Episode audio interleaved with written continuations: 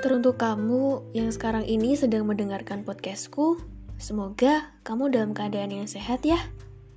Eh, ngomong-ngomong, kamu pasti pernah dengar kan ya kalau nikmat sehat itu kadang kita lupakan. Hmm, ya aku sendiri pun kadang juga nggak ingat kalau aku lagi sehat. Kalian kepikiran gak sih gimana perjuangan ibu kita waktu dulu mengandung sampai melahirkan kita dalam kondisi yang sehat. Podcast ini terinspirasi dari materi yang barusan kupelajari, yaitu tentang penyakit saraf.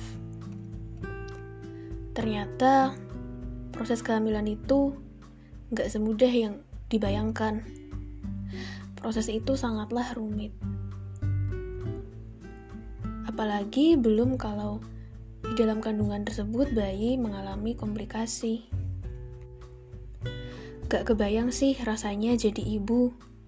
Harus memperhatikan nutrisi yang diasup untuk bayi dan dia sendiri. Lalu juga harus memperhatikan kondisi kesehatannya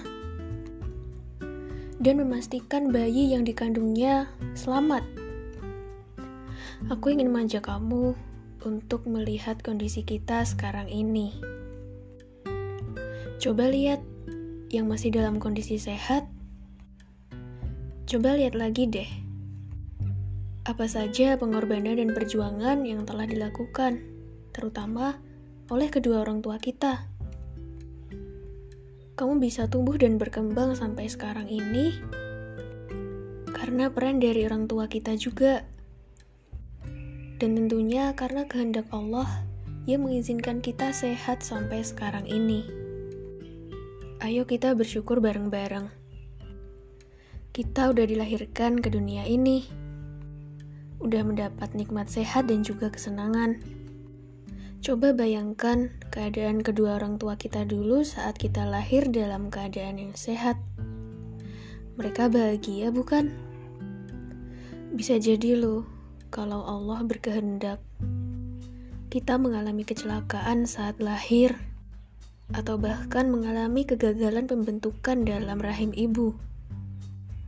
Tentunya kamu pasti gak bisa kan dengerin podcastku ini.